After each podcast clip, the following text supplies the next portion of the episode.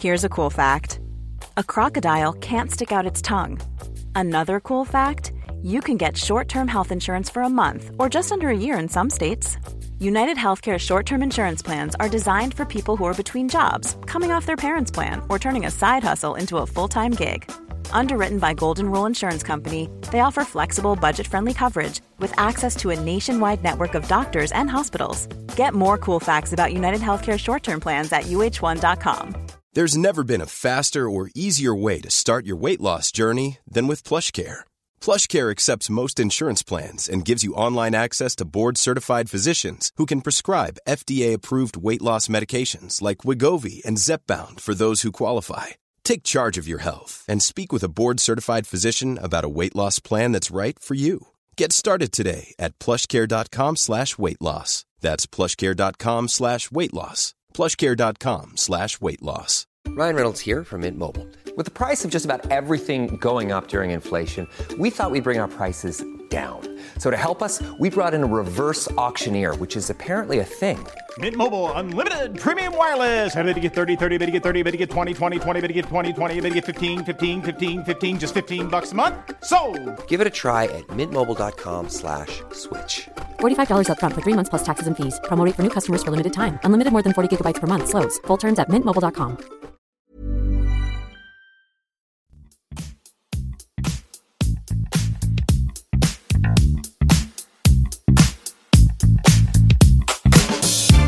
Ja, i denne podcasten så skal vi eh, prate en del om noen spesifikke tema. Eh, Det går alltid fra spesifikke intervallformer til ernæring. eh, Og eh, den første tingen vi skal prate om i podcasten, det er noe enkelt som I3, eller terskeltrening, Hans Christer. Og hva, hva tenker du når jeg sier terskel eller I3? Terskel anroper terskelen. Altså det er jo en, en intensitet eller en fart man kan ligge på over lengre tid uten at uh, laktaten hoper seg opp. eh, eller uten at man akkumulerer laktat. Da. Eh, så det er på en måte den enkle forklaringen. Og så, og så er det, mange det er jo mange definisjoner da, på hva, hva terskel er. Skal man definere ut fra en uh, følelse? Skal man Mm. definere ut fra uh, laktat? Mm. Eller skal man definere ut fra puls? Ja. Og der er det jo mange ulike meninger. Hva, eh, du har jo vært verdens beste skiløper. Altså, for det, når du trente, når du la ned treningstimer, når du trente terskel, hva var terskel for det? Var det en gitt prosent av maks hjertefrekvens? Var det en gitt laktatverdi, eller var det mer en feeling? Jeg har jo endra litt mening eh, opp gjennom åra, og, og i starten så, så famla jeg litt sjøl òg med liksom hva, hva er terskel? Mm. Eh, jeg er jo oppvokst med å trene mye på puls, spesielt når jeg var yngre. Og så eh, i starten av seniorkarrieren så, så ble det mer og mer laktat. Ja. Eh, det ble mer og mer vanlig å trene med laktat. Og så har jeg jo de siste åra, sen, sent i karrieren, gått mer og mer over på, på å definere deg som en følelse. Eh, og egentlig prøvd å frigjøre meg litt fra både laktat og puls, men heller konsentrere om å, å finne rett følelse på hva, hva terskel er. Ja. Er er det unikt, tror du, for ski at kanskje feelingen er viktigere enn f.eks. denne løpesatsinga di? Altså der er jo de jo veldig opptatt av laktat, som vi prata om.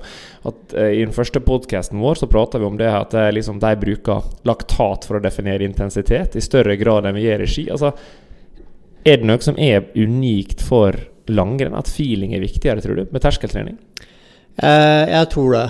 Eh, løping så er det Løping er veldig målbart. Eh, Mm. Og i gateløp og baneløp så løper man eh, flatt. Så, så det er veldig lett å ha kontroll på intensiteten og Mm. laktaten. I et skirenn så går man eh, mye opp og ned, og Ja. eh, laktaten den, eh, den svinger jo litt med om man er på toppen av en bakke, eller om man er i bunnen av en bakke. Mm. Man kan få eh, Man kan få høy laktat ved å sitte lenge i hockey, f.eks. Ja, ja. Uten at det definerer eh, eh, terskelen din. Eh, Så det er, det er mange variabler. Um, og så handler det nok altså Skal man bli en god skiløper, så, så handler det om å gå fort rundt terskel. Mm. Men man må også tåle å ligge litt over terskel og, og, og trene på å kvitte seg med litt laktat uh, i de lette partiene. Mm. Så, så jeg vil nok heller uh, uh, Jeg vil nok heller hatt et fokus på å trene og bli god på å ligge rundt terskel, og ikke akkurat på terskel. Riktig. Og Hvis en ser litt bare ren- rent sånn teori teoretisk på dette, her, hva er liksom defineres i Norge ofte som intensitetssone 3 eller terskel, og var inne på anaerob terskel, det er jo en laktatverdi som er rundt 2-4 millimol. Altså da, hvis du måler med en eh, laktat pro 2, det er jo litt forskjellige laktatmåler ute og går, men rundt der en plass ligger vår estimerte anaerobe terskel, og vi var innom det. Det er da et brytningspunkt der en mener fysiologene at det akkumuleres et laktat. Så hvis du holder på lenge med en arbeidsintensitet over dette her, så vil du rett og slett stivne over tid. da. Men hvis du da tenker at vi har en anaerob terskeltest, som dere har hatt en del av, både på løping og rulleski på Olympiatoppen, tror du det er en blank korrelasjon på at den som er høyest terskelhastighet, nødvendigvis er best i ski? Nei. Nei. Det, det tror jeg ikke. Det, det er på en måte Det er ett av flere parametere man kan måle for å måle um, hvor god fysisk form man er i. Mm. Men uh, en kan ikke Det er ikke én til én ut fra at desto høyere Eller desto lavere laktat du har, desto på en gitt fart, desto fortere går du på ski. Mm. Uh, og jeg har jo opplevd at uh, at uh, altså når jeg testa meg, så hadde vi ofte en laktatprofil i starten. Ja, hvordan fungerer en sånn laktatprofil? Så, Det er sikkert mange som hører på som har gjort det, kanskje. Men så er det kanskje en del som aldri har vært borti en laktatprofil. Altså, Hvordan gjør en en laktatprofil? En laktatprofil, da, Det som er mest vanlig, da, er å løpe femminutterslag. Ja. Hvor en eh, øker farten gradvis, og hvor en starter på Starter egentlig på intensitet, intensitetssone 1 til 2. Hvordan oppleves det? Altså de første Ja, det er eh, man, En tar det egentlig som en del av oppvarminga. Ja. Det går veldig, veldig rolig. Så er det veldig lett, og det er lett å prate. Du, du, det er nesten som å gå fort, nesten. Ja. Kanskje for din del, det føles Ja. ut som. på en måte. Så man starter egentlig helt på bånn. Ja. Og så øker man farten eh, og så Hvert drag er på fem minutter. Og så Mm. har man en pause på eh, etter to minutter, hvor man da egentlig rekker å notere ned puls på slutten av draget. Og så eh, måler man laktat. Og så øker man farten helt til man måte bryter, bryter terskel. ja. Men det vil si at en, en, en er over fire i laktater, eh, Ja. på en måte. Altså En måler kanskje fem da på den arbeidsbelastninga. ja. Uh, så finner man da et, et eh, brytningspunkt. Mm. på, på det som man da definerer som, som uh, den anaerobe terskelen. Da. Riktig. Og så tar man uh, ofte en pause på en fem-seks minutter, hvor man drikker litt og, og får henta igjen pusten. Mm. Og så er det en uh, VO2 max-test eh, helt til slutt, som varer mellom fem og, og syv minutter. Er det alltid sammenheng? At når du kjører en laktatprofilen, så, så vil jeg anta at målet må jo være at du kan springe på ei høyere hastighet med måte, lavere puls, eventuelt på den samme hastighet, eller samme puls på en høyere hastighet og samme laktat på en høyere hastighet. Det vil jeg anta er målet med den testen her. Ja. Men, men er det alltid slik at hvis du får et bedre resultat, det som på fagspråket he- heter høyreforskyving, at du presterer bedre på VO2-maksen, at VO2-maksen er høyere? Stemmer det alltid?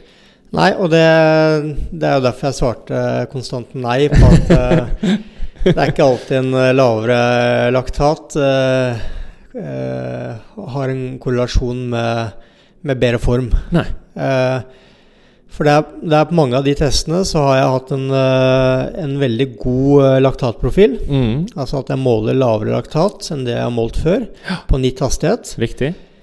Og så tar jeg en pause, og så kjører jeg den eh, makstesten, da, som egentlig er den ultimate testen på hvor god form er man egentlig i. Ja, ja. Altså, det er ingen som, ingen som står i mål på et og måler laktaten din. Nei, nei, nei. nei. Uh, og så har jeg sett at uh, den uh, makstesten er, uh, har vært dårligere enn hva den har vært før, selv om jeg har målt lavere laktat Ja. på laktatprofilen. Ja. Og det er jo det er jo litt, litt spennende, og det, Ja. det viser jo at det er jo, det er jo litt mer komplekst. En kan ikke bare se på, Mm. På laktat, eh, så fall i langrenn. En må også det er, det er på en måte én av flere parametere man kan måle for å, for å um, eh, beregne hvor, hvor god form man er i. Mm. Du sier i langrenn, så du mener kanskje at da i løping så vil det være en større korrelasjon mellom at de, hvis du øker hastigheten og har lavere puls og lavere laktat, så vil også prestasjonen være bedre? Ja, eh, og spesielt på lengre løp. Fordi eh, hvis en, eh, i, I løping så får du ikke de, de pausene som man gjør i langrenn. Mm. Eh, det, det er ikke noe hockey i, i, i løping. Eh, så i løping så er man er man på en måte sjakkmatt idet man bikker terskel, kan du si. Da er det game over. Ja. Så i løping så, så handler det om å løpe fortest mulig med under, under terskel. Eh, og i langrenn, så ja, hvis en hever terskelen sin- så vil den også mest sannsynligvis gå fortere i skirenn. Mm. Men uh, det er også uh, en del andre faktorer som, uh, som er med å avgjøre prestasjonene i et skirenn. Mm. Og der er jo en veldig veldig god skøyteløper. Jeg tror også han har lagt opp noe. Nils van der Poel. Han ble olympisk mester både på 5000 og 10 000, og han har- har verdensrekorden fortsatt. Og han eh, har jo litt ut et eh, vitenskapelig dokument, nærmest, eller dagbok, kanskje bedre å kalle det det, eh, hvordan han trente før han satte disse verdensrekordene. Eh, how to skate a 10K eh, and also a 5K. Eh, anbefaler folk å gå inn og lese det. Veldig bra dokument. Trener litt spesielt. Fem dager på, to dager av. Men han nevner en morsom ting der i det dokumentet som jeg syns, for meg personlig i hvert fall, som trener, er spot on med min observasjon, og litt er du i tråd med det du sier. Og det er jo det at han sier at høy laktat og god feeling er et tegn på god form. Er det din erfaring også? At hvis du, altså hvis du er i skikkelig god form, så, så måler du nesten høyere laktat på en belastning, men det føles veldig lett ut? Mm, ja, eh, helt, helt enig. Og det der kan, kan man jo gå seg litt eh, vill hvis man ikke mangler, uh, mangler erfaringa, kan du si. Mm. Eh, og jeg ser jo en del eh, trenere rundt omkring som, som er, eh, er veldig god på teorien, men Ja. som uh, mangler litt, uh, litt erfaring, rett og slett. Mm. Og uh, mi- min, min feeling stemmer ganske overens med, med det han sier. Mm. Når, når jeg er i god form, så har jeg ofte lav puls på rolig trening, Ja. altså sone 1-trening. Er riktig? Så er pulsen ofte ganske lav. Men idet jeg skal trykke til, Mm. Så er hø pulsen høy. Mm. eh, og laktaten òg, eller Mm. terske. Altså, Mm. Går du, har du noen gang gått Når du har gått i det beste skirenn Altså hvor mange prosent hvis du, det, er ikke ofte, det er ikke alltid du bruker pulsbelte, men de, de få ganger du har gjort det Altså, Hvor mange prosent tror du er i tre totalt i det skirennet når du er i form? lite. Veldig lite. Ja. Altså Snakker vi Eh. stort sett kun i fem, eller? Ja, ve veldig mye I5. Jeg tror det, altså. Ja. Eh, og, og nå har ikke jeg verken målt så mye puls eller laktat underveis i et Mm. skirenn, men mm. jeg har jo sett det på de intervallene hvor jeg har vært i veldig god form. Mm. Så føles det ut som at terskelen min ikke er på tre eller fire, men kanskje på fem eller seks. Ja. Og at jeg kan ligge høyere laktat over lengre tid Mm. uten å egentlig føle meg mer stiv, eller føle at jeg blir stivere og stivere underveis i, Ja. i økta. Ikke sant? Eh, ingen god forklaring på hvorfor det er sånn, Mm. men eh, det er én observasjon jeg har gjort. Mm. Og så er det at jeg kan også ligge i, eh, i en høyere puls over lang, lang tid uten å gå meg, gå meg stiv. Riktig. Eh, og det er jo litt sånn Litt motsatt av hva som eh, Hva man kanskje leser om i treningslæren. Altså, Ja, jeg er helt enig med det. Dette her er jo egentlig veldig contradicting, altså veldig motstridende til det de lærer egentlig den generelle utdannelsen i forhold til idrettsfysiologi. Mm. Men jeg er helt enig med det du sier. Jeg, jeg, jeg mener men hvorfor, eh, hvorfor er det sånn, tror du? Altså, det, eh, det her blir jo en spekulasjon fra min side, da, men, men jeg har jo etter hvert fått mer og mer tro på denne central governor theory, som er jo da at hjernen er egentlig den største begrensende faktoren når du på en måte har trent og gjort jobb, altså treningsjobben, så er det hjernen og muskulaturen som er begrensende for prestasjonen din. da. Eh, og det, med det så betyr at Hvis du har trent utrolig mye og er veldig sliten, så tror jeg kroppen rett og slett er veldig dårlig på både å produsere laktat Den er veldig dårlig på å tåle å ha eh, høye laktatverdier og reduksjon i pH-verdien. Og det fortolker kroppen som at eh, som at du er sliten, rett og slett. At den har ikke lyst til at du skal presse deg sjøl til overbelastning. da. Um, og, og, hvis en er litt nerd her i podkasten, så kan en jo si at hva egentlig er laktat? Vel, Laktat er jo en konsekvens av at når vi skal lage energi i musklene våre, så blir jo et glukosemolekyl brutt ned til noe som heter pyruvat. Det er jo litt teknisk, dette her. Men det pyruvatet det kan enten gå videre og lage energi med oksygen, aeropt, eller så kan det bli omdanna til laktat og H pluss-ioner hvis det er ikke oksygen tilgjengelig. Det heter anaeropt. Men i utgangspunktet så er ikke laktat i seg sjøl farlig. Altså Det er ingen studie som faktisk klarer å vise at det, det at du produserer laktat i seg sjøl er hemmende for muskelfunksjon eller noe som helst. Men det derimot som skjer, er at denne laktaten og H pluss-ionene går sammen og lager noe som heter melkesyre. Og det fortolker kroppen som at det er Altså, vi er på et arbeidsbelastning som er for høy. Og så vil jo da pH-en etter hvert i blodet vårt gå ned, og noe som heter bikarbonat begynner å gå ned. Og så er det noen kemoreseptorer, barreseptorer Nå begynner det å bli veldig komplekst. Men long story short er at kroppen begynner å fortolke at vi er slitne. Og hvis vi da har trent veldig mye, så vil vi for det første tåle lavere laktatverdier før kroppen eller hjernen sier at nå, nå nå er det for tøff belastning, nå må du roe deg ned. Mens hvis du derimot har masse overskudd, både muskulært og psykisk, så sier hjernen egentlig bare go, go, go, go, go. Jeg har ingen problemer, det er bare å gønne på. Og da fortsetter den også å fyre med det som heter sympatisk aktivitet, og gjør at du får veldig høy hjertefrekvens. Motsatt, når du er veldig sliten, så sliter du med å få opp hjertefrekvensen. Det er fordi jeg tror hjernen igjen fortolker at du er sliten muskulært. Mm. Det er ikke noe poeng i at du skal eh, gå fort, du skal hvile nå. Uh, og da prøver den faktisk å få det til å stoppe med å gjøre det helt jævlig for deg når du trener. Så det, det er min teori. Uh, veldig vanskelig å bevise, men, men, det samstemmer det du sier, så godt med det jeg ser på de utøverne jeg har trent på av og til seniorutøvere. Ja, så kroppen har på en måte en sikkerhetsbuffer, da. Ja. eh, som er der for å, for å på en måte det er en forsvarsmekanisme ja, som gjør at kroppen holder igjen litt når man eh, starter å bli sliten. Mm.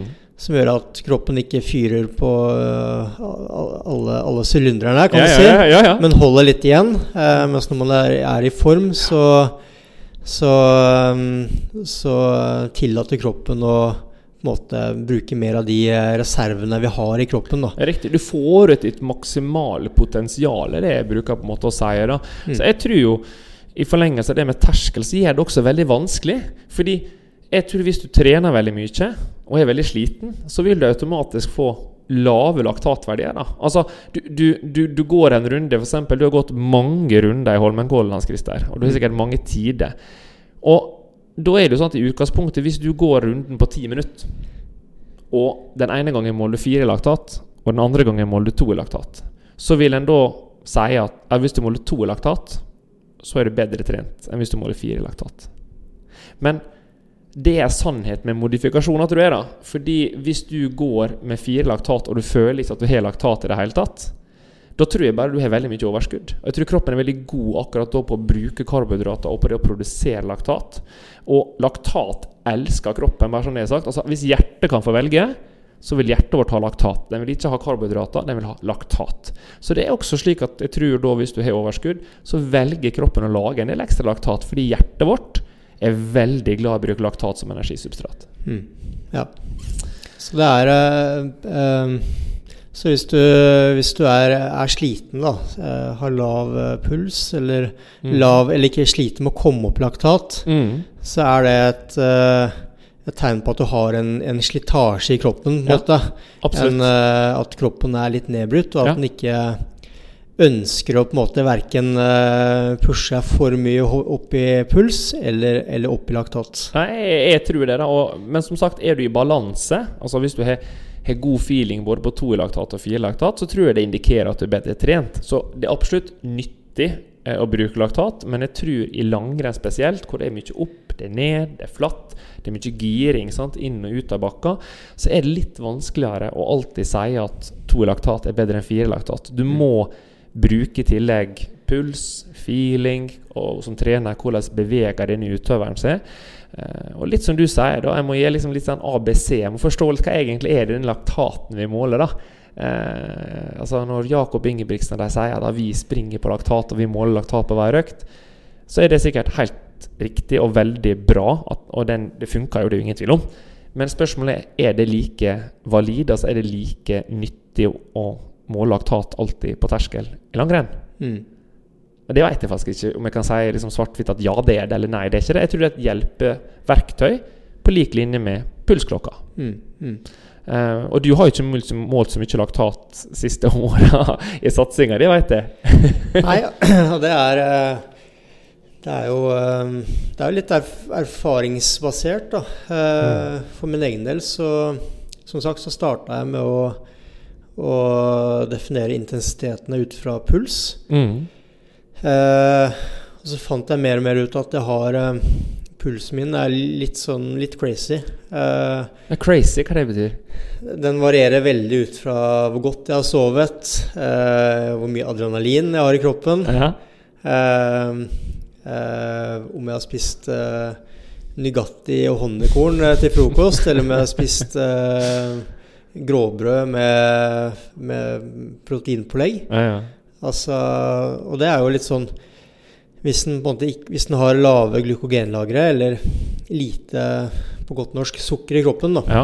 så er det vanskelig å produsere laktat. Helt riktig. Så det, jeg ser jo spesielt en del som de med ja, en, del, en, del, av de som sliter med å få seg nok næring. Mm. De kan jo øh, ja, har laktatprofiler. trener trene intervaller på, basert på laktat. Ja. Laktaten er lav. Ja. de tror det er bra fordi laktaten er lav. men hvis de skulle virkelig ha klinka til, så hadde de ikke klart å produsere mye laktat. Mm. Altså de hadde gått seg stokk stiv på, på T4 laktat. Jeg er helt enig. Eh, så det er liksom en, en, kan også bli litt lurt av den laktaten. Ja. Eh, har man spist 200 gram sjokolade rett før økta, ja. så, vil, eh, så vil oppleve det motsatte. Da vil kanskje laktaten være kunstig høy. Mm. Eh, og det samme gjelder puls. Eh, masse, spiser du mye sukker, høyt blodsukker, ja. så får du høy puls. Eh, hvis den har lite eh, lave glykogenlagre eller lite sukker i kroppen, så, mm. så vil en også få lavere respons på, på pulsen. Mm. Eh, men, men, der òg er det individuelle forskjeller. Jeg har, eh, har, en puls som går veldig opp og ned. Ja. Så hvis jeg skulle basert treninga mi på puls, så hadde det vært Ja, det, jeg hadde ikke funnet noe system på det. Men så er det andre utøvere igjen som er veldig stabile på puls. Ja. Uh, så, uh, så, så, så, det er på en måte grunnen til at jeg etter hvert har gått mer og mer over på feeling og tenker at skal jeg ha en uh, Skal jeg ha en terskeløkt, ja. si tre ganger 20 minutter i uh, rullesløypa i Kollen, Absolutt. Eh, så er målet mitt med den økta å gå så fort som overhodet mulig uten at jeg føler meg stiv. Uten at jeg føler at eh, jeg går meg stiv på den økta. Eh, og det er det, det, føler jeg samsvarer ganske godt med, med, med min terskel. da. Mm.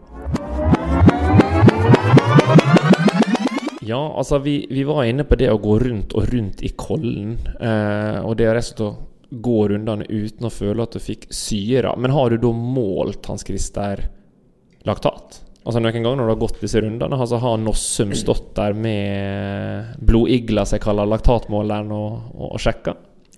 Ja da, jeg har, øh, har jo målt laktat, jeg òg. Ja. Uh, og uh, men uh, min, i mine beste år så målte jeg lite, lite laktat. Mm. Men jeg hadde noen uh, målinger, bare sånn Bare for å sjekke hvor jeg lå hen. Hvor lå du hen, da?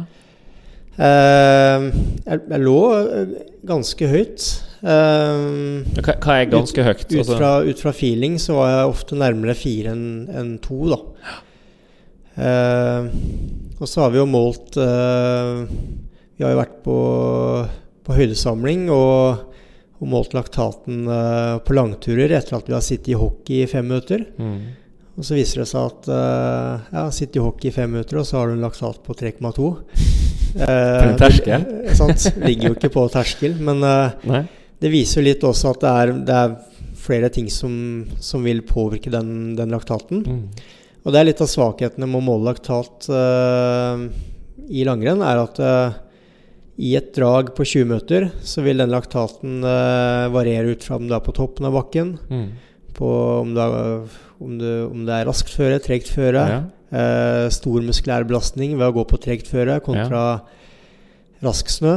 Mm. Eh, om man måler den etter å ha sittet i hockey. Ja, ja. eh, Forskjellige delteknikker, forskjellige stilarter. Om man har uh, spurta litt Ja, ja, ja. på slutten av draget. Eh, så det er, jeg, jeg tror nok at hvis, hvis en skal basere treninga si på, på terskel, så er det veldig viktig å, å kjøre standardiserte økter. Ja. Eh, og, eh, og, og heller ha fokus på å treffe på terskel, og ikke, ikke starte å sammenligne terskel med, med, med f.eks. Eh, tid på runden. Fordi Mm. på rulleski, som vi alle vet, eh, så, så vil rullemotstanden eh, variere ut fra om det er vått, tørt, kaldt. Forskjellige om, eh, merker. forskjellige merker. eh, om eh, hjulene er eh, produsert i 2022 eller i 2023. Ja.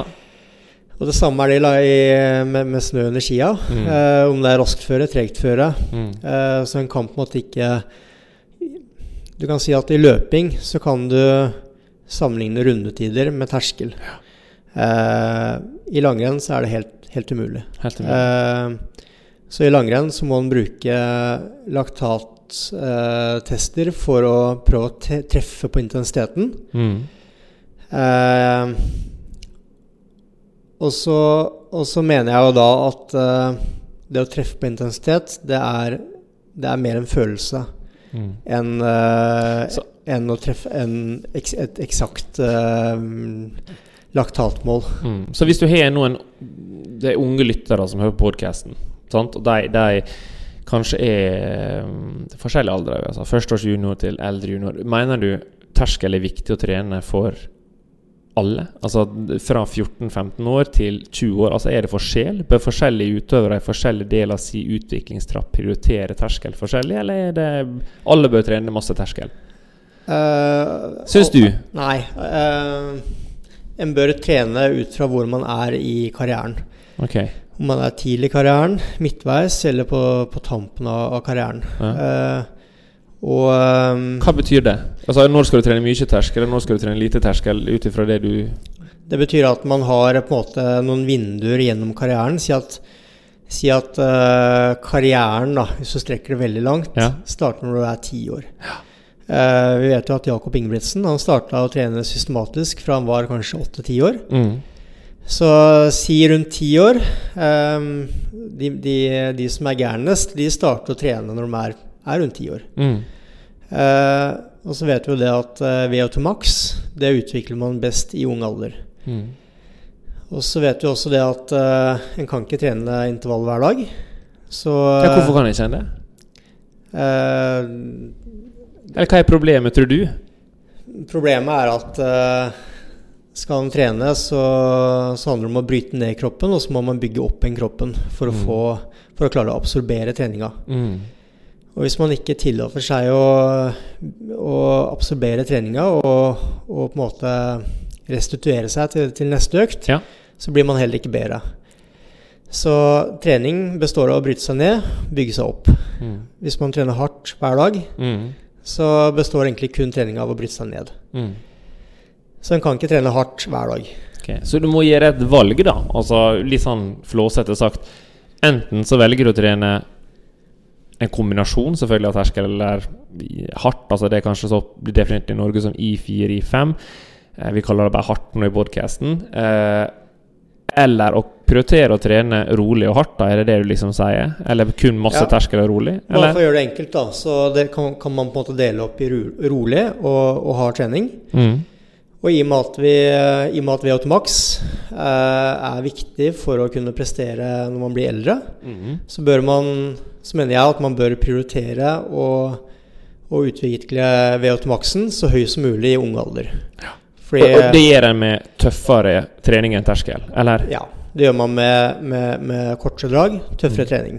Og kortere drag? Bare sånn Du, du har jo sikkert i hodet ditt en tanke om hva korte drag er, men hva er korte drag? Er ti sekunder, eller snakker vi ti minutter? Ja, jeg, når jeg var junior, så, så hadde jeg hadde vi, vi kjørte mye spretten skigang.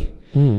Og da hadde vi et drag mellom 30 sekunder og 1 minutt og 45 sekunder. Såpass, ja. Det var, eh, det var, det var, det var spretten skigang. ja. Eh, og så hadde vi Altså, de lengste dragene når jeg var junior, var på seks minutter maks. Mm. Eh, og det, det var nok litt vi vis, jeg, jeg visste ikke det jeg vet nå om, om VO2 Max-trening. Eh, men, så det var nok ikke bevisst fra, fra min eller treneren min sin side. Det var litt, litt tilfeldigheter. Men, Riktig. men uh, jeg har jo en høy VO2 Max, og jeg Ja. tror jeg fikk en høy VO2 Max fordi jeg uh, trente mye korte, harde drag i ung alder. Mm. Uh, det er det ene. Det andre er jo at når man er ung, så går man korte skirenn. Ja. Terskeltrening har ikke så mye å si hvis du går en tre kilometer, en fem Nei. kilometer. Men det, det har kanskje litt å si når de begynner å gå en 10 km på juniornivå, tror du ikke du det? Jo, det, desto lengre distansen er, desto mer Mm. har det å si. Eh, men men eh, hvis, hvis, hvis, måte, hvis målet er å bli så god som mulig som senior, Ja. Så jeg mener at man bør eh, benytte det vinduet til å heve VO2 Maxen så Mm. mye som mulig. Fordi på et eller annet tidspunkt ute i karrieren, når du nærmer deg 24-25 år, Mm. 30 år Ja. Hvis man da har trent uh, systematisk fra man er 10-15 år, ja. så, og du nærmer deg 30 år, så, så kommer du til et punkt hvor det ikke er mulig å utvikle VO2-maksen lenger. Forstår. Uh, og da blir det å, å kjøre elgufs 5x5 når du er 30 år Det blir litt som å slange hodet i veggen, altså. Eh, og det blir, blir som å ha eh, hodepine, og så skal du stå og skalle veggen og så håpe at hodepinen går over. Det, du, på en måte trener på en egenskap som du ikke klarer å utvikle lenger. Eh, og vi har, vi har på en måte Vi har så mye Hvis du ser for deg et eh, glass med vann, og det er den energien du har i løpet av en dag eller i løpet av en uke, Mm. så handler det om å forvalte den energien på best mulig måte. Mm. Og det å trene på en egenskap som man ikke klarer å bli bedre på, Ja. det er, på en måte, det er dårlig forvaltning av den energien. Um, en kan godt kjøre kortsedrag for å uh, Som en formtopping, på en måte. Men Ja. når man blir eldre, så mener jeg at det å basere treninga si på korte drag, Mm. det, det er kanskje ikke det ideelle. Ehm, det, er, det er ikke dårlig trening, Nei, nei. men jeg tror kanskje det er andre måter å trene på for å, så, som vil gi en, en, Mm. en bedre effekt. Men- Men da er vi inne på kan vi ha viktig å Da snakker vi jo om, om hardtsatsende utøvere som mål er å bli verdensmester i langrenn. Jeg tror jo for, for en vanlig mann i gata, det å trene tøff intervalltrening i 4-5 vil absolutt ha en effekt på deres oksygenopptak, eh, fordi de har jo ikke prøvd å Yes. kanskje utvikle sitt maksimale oksygenopptak. Men, og, men og, der, og der er det nok noen som, som misforstår. eh, fordi jeg, jeg, jeg sa jo dette her til et VG-intervju i, i fjor høst. Eh, og så var det jo eh, Jeg kan jo si det med navn. Thomas Halsgaard ble jo litt, litt fornærma. Han har jo trent eh, kortedrag hele karrieren og har jo mye bedre resultater enn det, det jeg har hatt. Eh, Så liksom det, det var nok kanskje litt flåsete for meg å si at det, det, liksom, det funker ikke. Eh, men men eh, det handler Det handler nok kanskje ikke så mye om alder, men det handler litt om hvor man er i, i på en måte treningskarrieren. Da. Så hvis man starter å trene når man er 30 år, da, mm, så har man jo masse å gå på på VO2 Max-trening. Eh, type kortdrag. mm, Så en, en, en som ikke har trent så mye i ung alder, eh, som på en måte skal starte å trene når de er uh, ute i 20-30-åra, 40-åra, Ja, ja. vil få en kjempeeffekt av å trene drag på 3-4-5-6 minutter. Eh, men når den samme utøveren, eller samme personen, da, eh, Si at den personen starter å trene når han er 35 år, da. Ja. Så, så tror jeg nok han vil ha veldig god effekt av å trene, på, trene korte drag fra han er 35 til 45. Men hvis han eh, eller hun klarer å holde opp motivasjonen, trene, ha kontinuitet i treninga, Mm. og trener de dragene i åtte-ti år, til han blir, eh, eller hun blir 45, Ja.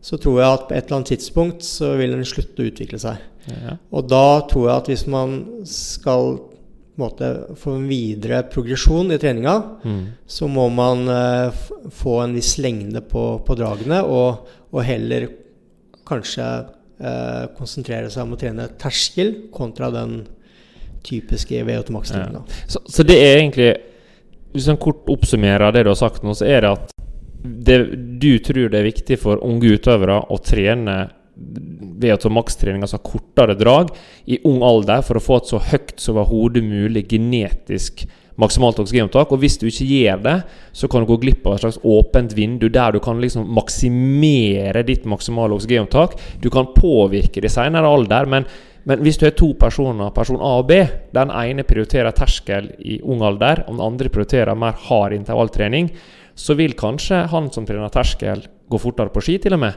Men han som trener tøffere trening, han har på en måte maksimert oksygenopptaket sitt og kan fokusere mer på å utnytte denne her med terskeltrening og rolig trening når han blir eldre. Mens når du kommer til 25 år, f.eks., bare for å ta alder, så vil den andre personen som har trent terskel liksom Det vinduet til å maksimere maksimale oksygenopptaket er på en måte litt lukka. Så du, du vil på en måte aldri komme deg høyere enn 75 hvis du har det 75 når du er 25. Mens denne andre personen som kanskje da prioriterte tøffere trening i puberteten, han eller hun hadde da kanskje 80 når de var 20 år, og så kan de heller jobbe med å få utnytta den kapasiteten de har opparbeida seg med denne tøffe treninga. Er det på en måte en grei eh, Ja. oppsummering, vil du si? Ja, helt enig. Ja. Uh, og det er eh, Så det er langsiktig investering, på en måte da Det å trene tøffere og ikke så mye terskel, tror du, og jeg er jo egentlig helt enig, som dere sikkert forstår, i ung alder er en investering for å på sikt bli den beste versjonen av deg sjøl. Men det er ikke sikkert at det å trene tøff kapasitetstrening eller I4-5-trening er optimalt her og nå. Det kan jo være at doble terskeløkter når du er juniorutøver, gjør at du går fortere på ski mm, når du er GJ17. Men, det- Ja. men det er ikke sikkert at du da til slutt blir bedre enn de personene du slår når det er GE17 som har prioritert å trene tøffere.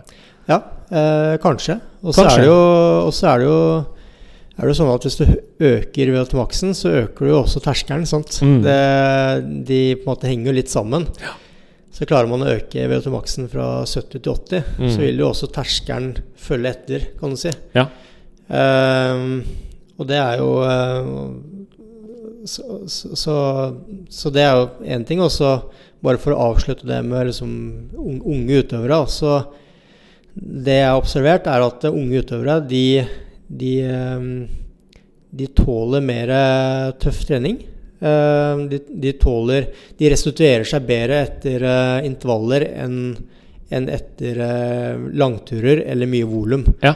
Det er lettere for dem å restituere seg etter en fem ganger fem kontra å restituere seg etter en eh, langtur på, på tre timer pluss. Ja. Eh, og det samsvarer litt med min feeling òg når jeg var, var ung, at, eh, var at eh, Hadde jeg en intervall, så var jeg kanskje litt sliten dagen etterpå, men to dager, to dager senere så, så følte jeg meg ganske pigg. Hvis jeg gikk en, en tretimers skøytetur tidlig på sesongen, Ja. Så kunne jeg være sliten i muskulaturen i flere dager etterpå. Ja, Så det er litt sånn Mens øh, når jeg på en måte nå har øh, Når jeg nærma meg 30 år og, og bikka 30 år, så følte jeg at en tretimerstur, det, det kosta meg veldig lite. Mm. Men det å kjøre en tøff intervall, seks ganger seks minutter, Ja. lurer jeg ikke så mye av det de siste åra. Men Nei, nei. Eh, jeg følte at det å restituere seg etter en, en, en tøff intervall, Ja. det tok mye lengre tid enn å restituere seg etter en langtur. Skjønner. Det er jo Kanskje viktig å poengtere i podkasten at vi, vi, prater jo veldig mye her nå om, om, hva vi tror er smart for unge utøvere i langrenn. Eh, og vi har jo vært inne på det tidligere nå i denne podkasten om terskel, at det er forskjell mellom løping og langrenn, for å ta det som eksempel. Og også sykkel. altså Det er jo en unik spesifisitet i hver idrett. Så våre anbefalinger er jo hovedsakelig retta mot eh, i hvert fall langrenn, som vi kjenner godt til. Skal være forsiktig uttale om løping. Men det vil jeg si, er at i løpemiljøet vet jo at det er betydelig mer fokus på terskeltrening og eh, fartsleik, eller fartstrening, og eh, rolig eh, løpetrening. Eh, men en ting jeg har tenkt over, det er at friidrettssesongen den varer lenge. Altså de, de, begynte jo med de første konkurransene sine kanskje på innendørs-EM eller VM og slike ting i februar-mars. Og så avslutter de gjerne med et VM da som er i september. Eller et OL kan jo være rundt der også, kommer an på hvor, hvem som arrangerer det. Men poenget mitt er at jeg skulle likt å sett hva type intensitetssone de har når de springer konkurranser. Og jeg tror de springer så ufattelig mange, iallfall yngre utøvere, konkurranser som er I5 i sesong. Så de får på en måte denne her I5 i firetreninga gjennom at de springer så forbaska mange konkurranser. For så, En friidrettsutøver som springer 1500, han springer ofte 3000, han springer ofte 5000. Og da springer det ofte tre konkurranser kanskje på samme helg.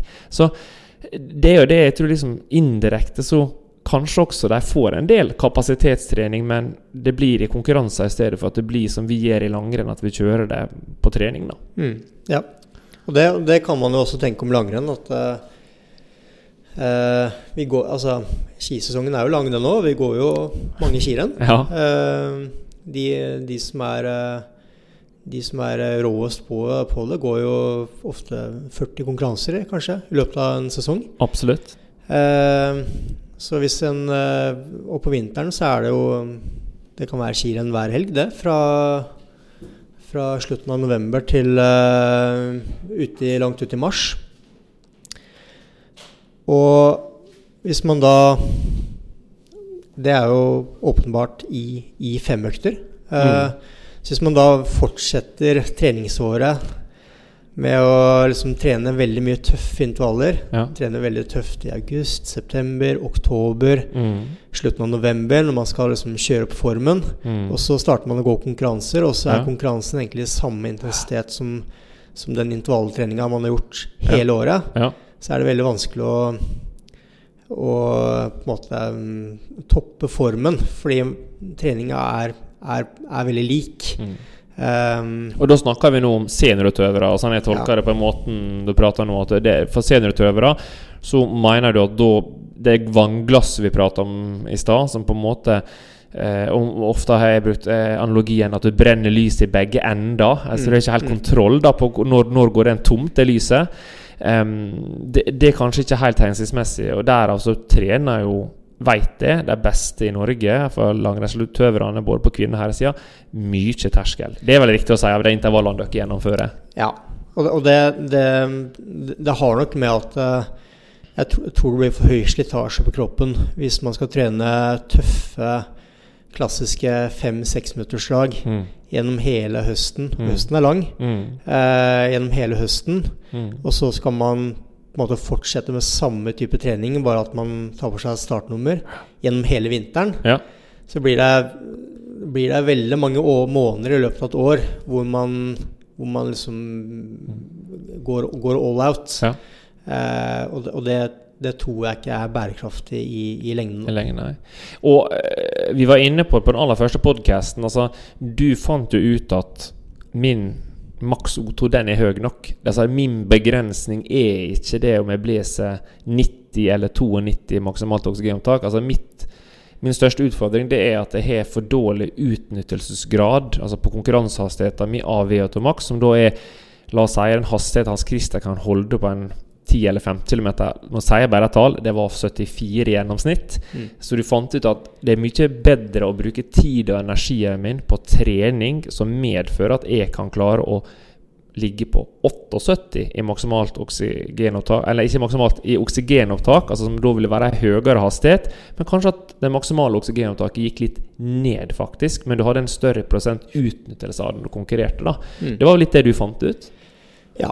Eh, og det, det Du har hatt eh, skiløpere som har, eh, som har vunnet tremila og femmila med, med 80 Joto. Mm. Du har hatt skiløpere som har vunnet tremila og femmila med 95 Joto. Ja. Sant? Eh, så det viser jo at utnyttelsesgraden eh, har mye å si. Mm. Og eh, i enkelte skirenn så har den med 80 Joto slått den med 95 Joto. Mm. Eh, så det er eh, VO2 max er, er viktig, men, men eh, senere i karrieren så er det nok eh, enda viktigere at man At utnyttelsesgraden er så høy som mulig. Eh, og det, det, det tror jeg man, man trener bedre med å ligge trene på lang tid på, Mm. på terskel. Hvorfor, hvorfor tror du at vi i langrenn er så opptatt av dette begrepet terskel og I3? Altså, I sykling så snakker vi om FTP 25, FTP 60, som da refererer til en gitt varighet som skal klare å opprettholde arbeidsintensitet. Eh, og da kan de jo si FTP på 60, som da er 60 minutter. liksom Maksimal innsats på 60 minutter. Hvor mange watt kan du klare å produsere på 60 minutters sykling?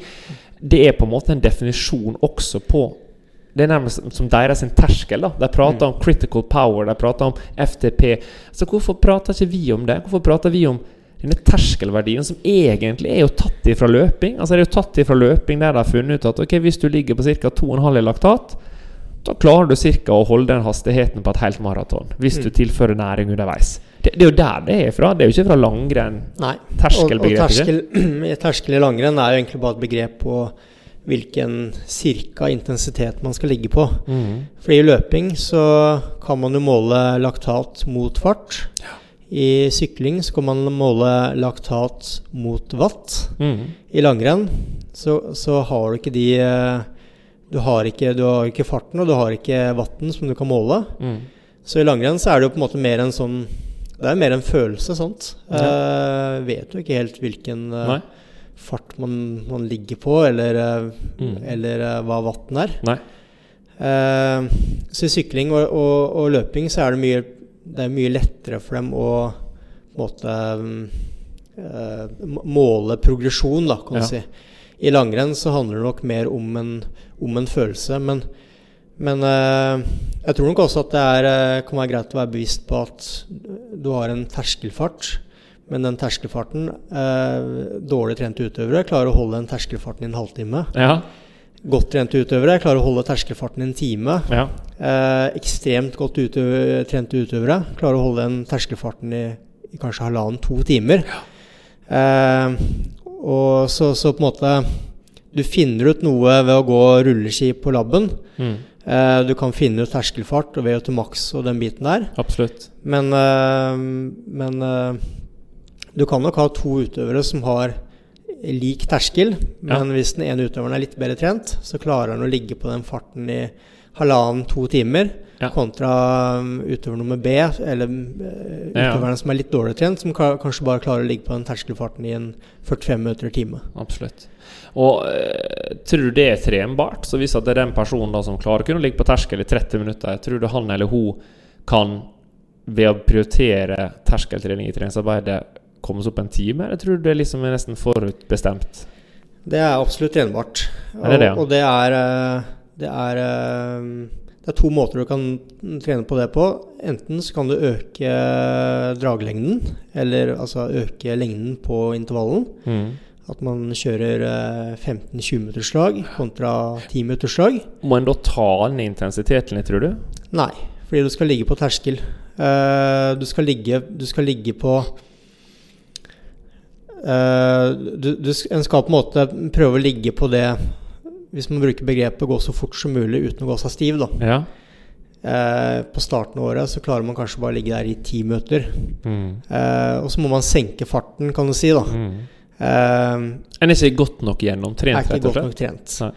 Eh, og så kan man kanskje øke draglengden til 15 minutter. Mm. Eh, man ligger på samme intensitet, samme, omtrent samme fart. Ja. Men eh, man øker draglinjen til 15 minutter. Mm. Og så kan man kanskje prøve å øke den til uh, 20 minutter. Ja. At man går to runder i rullesløypa kontra ja. én. Ja, ja. Eh, og så kan man kanskje til slutt uh, eh, øke den med å legge på et drag ekstra. Ja. Så det er på en måte det er ene måten eh, å trene på. Og dette er jo eh, basert på min erfaring, da. Ja, ja, sier jo ikke at eh, at det liksom sånn, sånn er det. Men Nei, nei. min erfaring er at eh, en kan trene på det ved å øke lengden på, in, på intervallen. Ja. Eh, eller man kan øke den ved å trene mer volum. Riktig. Og det er litt av det jeg opplevde de siste årene når jeg trente lengre langturer, hadde litt mer volum. Ja. Så følte jeg også at eh, den volumtreninga gjorde at jeg kunne ligge lengre på terskel Mm. før på en måte muskulaturen ble så sliten Skjønner. at jeg måtte senke farten. Ja. Jeg vil si at eh, Du vet jo det at jeg er jo veldig fan av laktat, og måler laktat underveis i trening. Men jeg, jeg er veldig enig i det vi har sagt så langt i podkasten, at laktaten er mer en indikasjon på arbeidsintensiteten og skal være et hjelpemiddel. da. Um, så jeg tror jo det som er fordelen med det du beskriver med å gå lengre drag, det er at jeg tror da vil også laktaten være lavere. da. Det er min erfaring. At ofte når jeg ser utøvere går åtte minutters terskeldrag, eller jeg har hørt om folk som liksom kjører tre minutter ganger 15, det blir jo totalt 45 minutter, de, de har jo ikke to til fire laktat på de tre minutterne. Sant? Det er jo, de begynner med seks-sju laktat, og så ser du, hvis det har gått samme løypa om og om igjen, så ser du at eh, hastigheten går ned fordi de har åpna for hardt. Så jeg tror liksom det å gå lengre drag som du beskriver på 20 minutter, gjør at du blir tvungen til å måtte redusere arbeidsintensiteten hvis målet er å ikke bli stiv, som du sier. da. Og det vil sammenfalle veldig bra da med laktatmåling, fordi du kjenner etter ti minutter gåing at oi, her har jeg åpna altfor hardt. Hadde du stoppa mot laktaten nå, så har den kanskje fem, kanskje seks. Men når det da må gå ti minutter til, så roer en seg ned, og så kommer en kanskje nærmere denne to til fire som vi er på jakt etter. da. Så det tror jeg er litt sånn take home message til veldig mange, er at kanskje øk draglengden litt, og vær heller litt konservativ med arbeidsintensiteten. Jeg tror jo altfor mange brenner dette berømte lyset i begge ender. Og Problemet er at det er ikke farlig å trene i fire. Det er ikke farlig å trene med seks laktat hvis du går i en time, men det er ikke det du har planlagt i treninga di. Og det vil gjøre at du må ta konsekvensen av det for den andre treninga du har planlagt. Så det er ikke farlig å trene i fire, det er ikke farlig å trene med høy laktat, men økta blir jo tøffere, og da må du ha lengre restitusjonstid. Og hvis ambisjonen din er å trene høyt volum, som du prater om her, så vil det sannsynligvis gå utover kvaliteten på det arbeidet. da. Ja, og det er eh, ja, 100% enig i det. Eh, Det er mye lettere å treffe på intensiteten hvis man øker draglengden. Eh, Det er veldig vanskelig å gå 20-meterslag over terskel. Altså, du vil på et eller annet tidspunkt da gå deg, gå deg ordentlig stiv. Det er hvert fall hvis hvis du er ærlig med deg sjøl om at Ja. no, Altså, du skal ikke bli stiv. Du skal Nei. ikke ha den følelsen av at nå er jeg utslitt og nå er jeg stiv. Så Hvis du er ærlig med deg sjøl, så, så, så kan ikke du gå mye fortere enn 3-4 på en normal dag hvis du, hvis du er normalt Altså du ikke har maksdagen din, da. Det, det er veldig sjelden jeg har målt i hvert fall høyere laktatverdi enn 3-4 hvis de går 20-25 meters draglengde. Mm. Hvis folk er ærlige med at de ikke har gått seg stiv. Mm. Eh, det er min erfaring også. Og Jeg ser heller ingen vits i å gå kan du si, terskeldrag i, i langrenn. da. Nå Ja. snakker vi langrenn. Eh, gå terskeldrag på mellom fem og ti minutter, det eh, jeg, jeg, jeg ser ikke noe verdi i det. fordi hvis du virkelig skal treffe på terskelfarten, så trenger du ikke pause etter fem eller ti minutter. Du skal kunne klare å holde den farten i en time kontinuerlig. Eh, så korte terskeldrag, det, det blir på en måte bare en en dårlig i fire, i fire økt. Vi har jo prata mye her nå. Vi har jo egentlig gitt mye, kanskje nesten syns folk er motstridende råd. Men vi kan jo oppsummere litt av det vi har sagt. Altså, for det i hvert fall. Det er liksom Terskel er en arbeidsintensitet du skal holde i kunne klare å holde det i hvert fall 60 minutter. Det er en følelse av at du ikke stivner. Eh, og det er også slik at den type trening tror du er viktig å prioritere desto eldre eh, du blir som eh, satsende skiutøver. Men for en vanlig lytter som hører på, så, så hva, hva mener du er en bra terskelintervall? Altså Det kan jo være litt umotiverende for eh, Ola Nordmann å skulle gå løpe tre drag på 20 minutter på terskel altså for at jeg skal ha en time. Altså, Ja. hva, hva er gode råd og vink? Altså, hvis jeg har pulsklokke, hvis jeg skal liksom ha en feeling, hva, hva, vil du sagt til en generell person? Eh, nå, nå nå avslutta jeg i stad med å si at eh, eh, at, at en muligens bør ha litt lengde på, på dragene. Mm. Eh, men eh, som du sier, det er jo det å liksom ha drag på 20 minutter, det er jo eh, det er en mental barriere. Altså, Ja. Det blir jo Og det er jo litt sånn med, med intervaller òg, at det er jo en mentalt, et, et mentalt aspekt med det òg. Mm. Eh, og ofte så legger, legger man jo inn pauser for at det skal bli lettere å gjennomføre økta. Få en liten sånn mental break, få Ja. pusta litt, Ja. drikke litt. Uh, før man starter på neste drag. Mm. Uh, så så uh, du kan si for en, en mosjonist så, så er det ikke noe problem med å kjøre en terskeløkt og, og ha femminutterslag Mm. eh, og hyppige pauser. Mm. Men de pausene ehm, trenger kanskje ikke være to minutter. Det kan være på ett minutt. Uh, i, uh, blant løpere så er det jo 20-25 ganger 400 meter med 30 sekunder pause. er jo en, Ja. Er jo en uh, populær økt. Mm. Uh, Og det er for at de skal treffe på arbeidsintensiteten, vil jeg anta. At de har kortere pauser. Fordi hvis Ja. du har lengre pauser, så får du på en måte brutt ned litt av den eventuelt laktaten har bygd opp. Så da, er det på en måte Da treffer du sannsynligvis lettere kanskje på terskelintensiteten, da. Ja. Ja. Og det er, uh, det, er- det er det jeg også merka. Nå har jeg hatt et par økter eh, på friidrettsbanen med, med 20 ganger 400. Ja. eh, og 30 sekunder, de, det går fort. Eh, Ja. Så jeg har kjørt to, to serier. To ganger eh, ti drag Ja. av 400 meter. Ja. Eh, og det føles egentlig ut som to, to drag, fordi de, de pausene de, de går veldig fort. Mm. Så, så, så enten så kan man ha Altså det er tre minutter igjen før du på, da. Mm. Eh, enten kjøre kjøre i ett. En time Et terskel. langt drag, Et med andre ord. Ja, ja. Og, det, Ja. og for en som Når vi sier en time, da er det selvfølgelig for folk som er veldig godt trente. Det er supermosjonisten. Det er Mm. ikke en vanlig kontorarbeider, men, men han, han eller hun kan kanskje springe en halvtime sammenhengende, da, Ja. som ett drag, f.eks. Ja. Ja.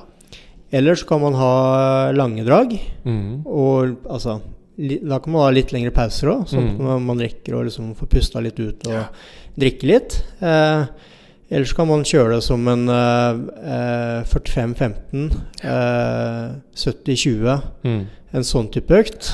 Hvor man har eh, korte drag, korte pauser, og så at man eh, kanskje kjører flere serier. Da. Riktig.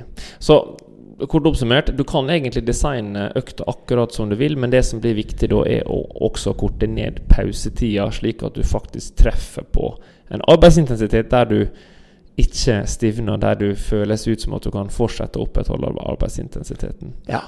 Jeg, jeg tror eh, Ja, godt, godt eh, oppsummert. Mm. Eh, lange pauser gjør ofte at man løper eller går litt for fort på, på Ja. dagene.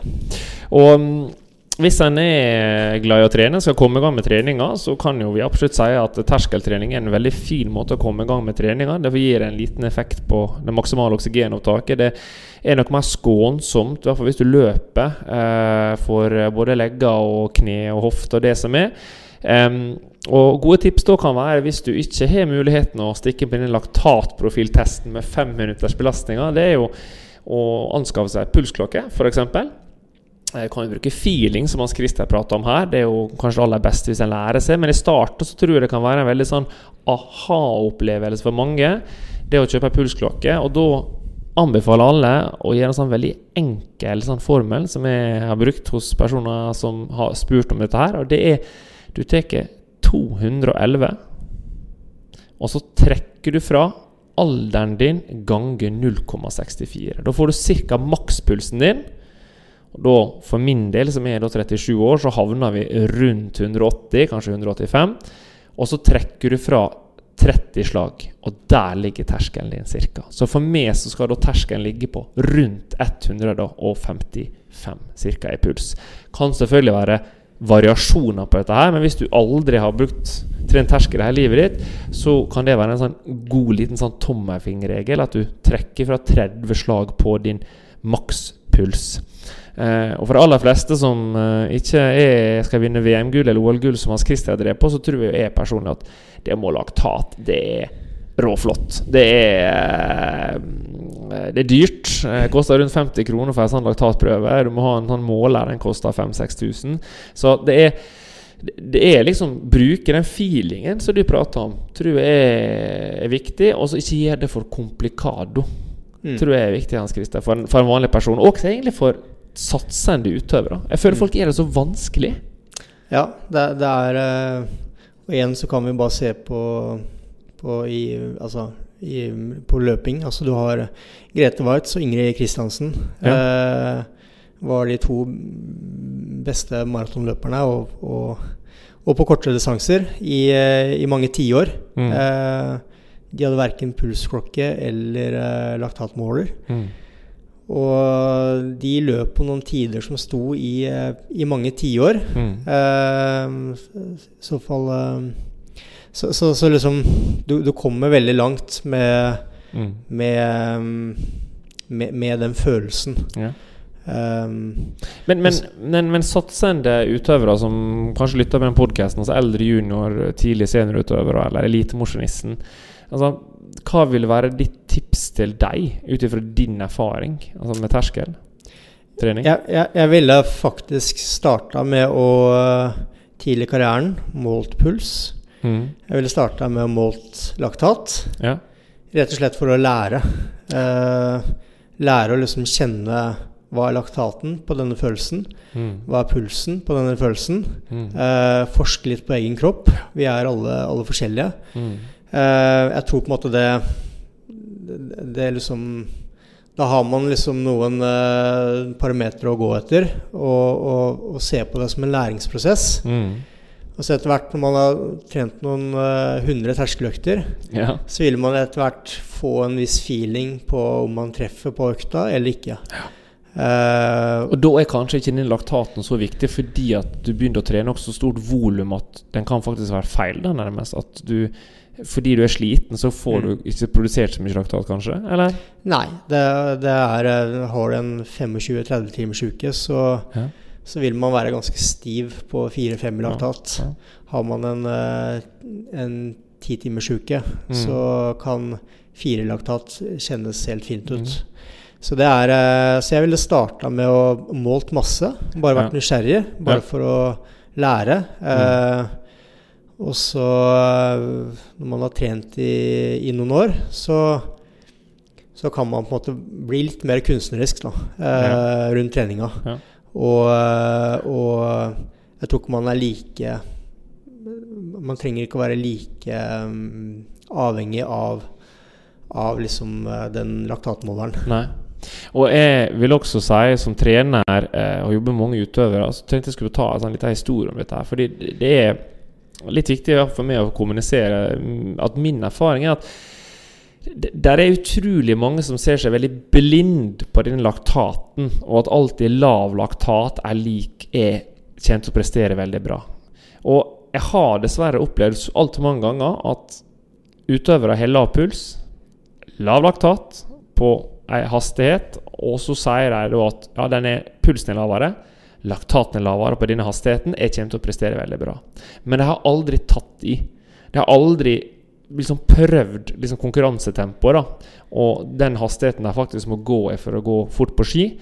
Og da er det ut fra start. Og så kommer de opp og forbi terskel, eller i tre soner, og så er det stopp. Det var det skirennet. De har ett tempo, og det er liksom denne terskeltreninga. For de har trent så vanvittig med volum, og så vanvittig mye terskel, og blitt jækla gode da på det å trene rolig og på å trene I3, men de har ikke gjennomført noe kontroller på om de er i balanse heller, da. Eh, og det de gjør da, veldig mange, er at i stedet for å slappe av da og få overskudd, så trener du enda mer, og da blir det bare vondt verre, da. Så, så det her du sier, Hans Christian, med at av og til kanskje drit i den jækla pulsklokka, drit i den laktaten, og så går det på feeling. Så kan det kanskje også være bra på sånne terskeløkter at en går litt ut av terskel, faktisk, for å sjekke liksom Hvordan er den jeg tar litt i? Og der har jo du eh, Ofte når dere har hatt økter, det har iallfall jeg bemerka meg, at du kanskje Ok, nå har jeg trent mye. Nå må jeg sjekke om jeg faktisk også kan dra til litt. Og så går du plutselig veldig fort på ett drag, f.eks. Mm. Mot slutten eller lignende. Jeg, jeg, jeg, tror det kan være veldig, veldig nyttig en gang iblant. Eh, fordi, eh, som du sier, eh, noen ganger så har jeg gått en terskeløkt, og så har jeg dratt på litt, kanskje, på siste draget. Mm. Eh, og så drar jeg på med litt syre, mm. og så er det bom stopp. Mm. Det, det, det, er ikke mer å gå på. Nei. Så sitter jeg hockey ned en bakke, og så er det fortsatt bom stopp i mm. neste bakke. Ja, hva, hva, hva, tiltak gjør du da? Eller gir du tiltak, eller bare dunker du på videre med det planlagte trening? Det er jo det er på en måte en måte for kroppen å si at eh, nå, nå, nå, er du på limit, eller nå har du nok trening i kroppen. Ja. Nå er det på tide å la kroppen absorbere den treninga du har lagt ned. Ja. Og så er det andre ganger hvor jeg har eh, gjort det samme. Dratt på litt på nest siste eller siste draget. Ja. Gå på meg litt syre. Ja. Eh, men så klarer jeg på en måte ligge Holde farten. Mm. Syra er der litt fortsatt. Mm. Det gjør fortsatt vondt, mm. men jeg må ikke sakke ned på farten. Mm. Og så får jeg en liten pause, og så er syra borte igjen, og så er det liksom Og så er jeg liksom good to go igjen. Ja. Eh, og det er på en måte et tegn på at da er man enten i god form, eller så man, har man nok overskudd. og ja man er på den sikre sida. Ja. Så det, det, er liksom eh, eh, jeg, jeg, tror det er veldig smart en gang iblant å faktisk tørre å dra på litt òg. Bare for å sjekke eh, liksom, hvordan, er, hvordan er ståa. Ja. Eh, og det, det, er vanskelig å finne ut hvis man hele tiden liksom går med, går med kontroll. Ja. Nei, det, det, tror jeg er helt riktig. Og tror du det er mange som blir for ekstreme enten ene eller andre veien. At de på en måte enten må teste at de er i form hele tida, eller at de blir så opptatt av disse timene. Altså de må ha 110 timer i måneden, eller 100 timer, whatever. Um, at de aldri derfor tillater seg sjøl heller å trene i 4-5. Fordi, som du sier, da hvis du trener seks ganger fem minutter Nå gjorde ikke du så mye det, men hvis du hadde gjort det, så hadde det kosta så mye at timeantallet den veka har blitt betydelig redusert. Tror du det, det er mange som synder her i forhold til det vi prater om nå? Ja, eh, det er altså Ja, eh, muligens at det er noen som henger seg litt for mye opp i, i treningsdagboka og de, de, tallene man eh, får summert opp der i, i slutten av en uke. Ja. Eh, Hva lå du på? Sånn, sånn, hvor mange terskeløkter kjørte du? Nå begynte du ofte litt seint siste åra med mm. kan du si, treninga, men hva sa ja. fra 1. august, da? Hva, hva liksom lå du på ca. i timeantall august, september, oktober, november, desember? Og hvor mange av intervalløktene var terskel fram til la oss si 1. januar? Ja, hvis, hvis en skal på en måte se på årene fra 2020 da, til, eh, til, eh, til jeg la opp i 2023, mm. så så var jo på en måte målet å få klemt inn så mye kvalitetstrening som mulig i løpet av en uke. Hva er kvalitet for det? Eh, det er litt viktig. Hva er kvalitet? Liksom? Er det rolig trening? Er det en kombinasjon av den rolige og harde treninga, eller? Det, det, jeg fant ut, var at uh, Eller min erfaring er at hvis jeg på en måte lager sånne små bolker Hvis du definerer én uke ja, som en periode mm så fant jeg ut at jeg kunne få mer kvalitet i den uka hvis jeg på en måte eh, bolkla litt treninga innad i, i uka. En stor grad av periodisering retta internt til hver uke? Ja. ja. Så jeg kunne ha eh, dobbel terskel, som har blitt veldig populært de siste årene. Ja. Eh, at jeg tenkte istedenfor harde økter, så tenkte jeg harde dager. Ja. Eh, og hvor eh. mange sånne doble terskeløkter hadde du i veka fra 1.8? Nei, og, og det uh, Du kan si at istedenfor å ha si at uh, en uke så hadde jeg skulle jeg ha to uh, terskeløkter, da. Mm. Så valgte jeg heller å istedenfor å ha dem på tirsdag og torsdag, mm. som kanskje mange har, mm. så pressa jeg de inn på én dag. Ja. Uh, og så hadde jeg rolig dagen før, mm. rolig dagen etterpå. Mm. Uh, og da har vi på en måte brukt opp tre dager. Én ja. uh, intervalldag, to eh, Sikringsdager, sikringsdager For å få bra kvalitet på- kvalitet på den harde dagen. Ja. Og da sitter jeg igjen med fire dager som jeg kan trene volum. Mm. Eh, og på den måten så vil ikke volumtreninga gå utover den intervalltreninga. Mm. Fordi jeg har sikringsdag før og etter. Eh, og, og så liksom Da følte jeg at jeg kunne Det var litt vinn-vinn. Mm. Jeg kunne få to terskeløkter i løpet av en uke. ja. Eh, og jeg kunne få eh, ganske mye volum. Ja. Um, Så jeg tolker som det du sa, at det hovedsakelig det du trente fra 1.8 og fram til sesongstart, var mye rolig trening på fire dager, mm, og én dag der du hovedsakelig trente terskel. ja. Og så kunne jeg også um, kjøre tre terskeløkter på en dag. At jeg kjørte Si at uh, torsdag var en terskeldag. Ja. Så kjørte jeg terskel uh, på, i Holmenkollen, skøyting f.eks., Ja. på morgenen. Uh, og så hadde jeg en stakeintervall på ettermiddagen Mm. for å trene litt andre muskelgrupper. Ja. Da har jeg på en måte brukt beina på morgenen. Bruker jeg overkroppen på ettermiddagen. Den stakøkta var ofte på rulleskimølla. Ja. Og så dagen etterpå eh, så, eh, så gikk jeg på mølla på nytt.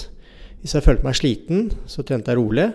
Hvis jeg følte at formen er egentlig ganske bra, så eh, kunne jeg legge inn én økt til. Så da ble det på en måte tre sånne på rad. da. Men, Ja. men hadde du da en standardisert oppvarming før den tredje intervallen, der du måtte på en måte være innenfor en viss puls eller laktat eller feeling? er jo helt tydelig at du, du så på, men liksom hadde du noen andre sånne objektive fysiologiske mål, eller kun feeling? Eh, hovedsakelig feeling, men eh, du kan si det sånn at de to siste Hvis jeg hadde tre sånne hardøkter på en dag, da, så gikk jo de to siste på mølla. Mm. Og da, da, da har man jo en viss erfaring på hvilken fart man bør ligge på. Eh, man kan måle både laktalt og puls Mm. på den farten. Og så, så klart feeling, så da vil man få et godt bilde Ja. på hvor, eh, hvor mye overskudd har man. Eh, men det var på en måte et vindu Mm. hvor jeg på en måte kunne ligge inn ganske mye, mye, mye hardt. Ja.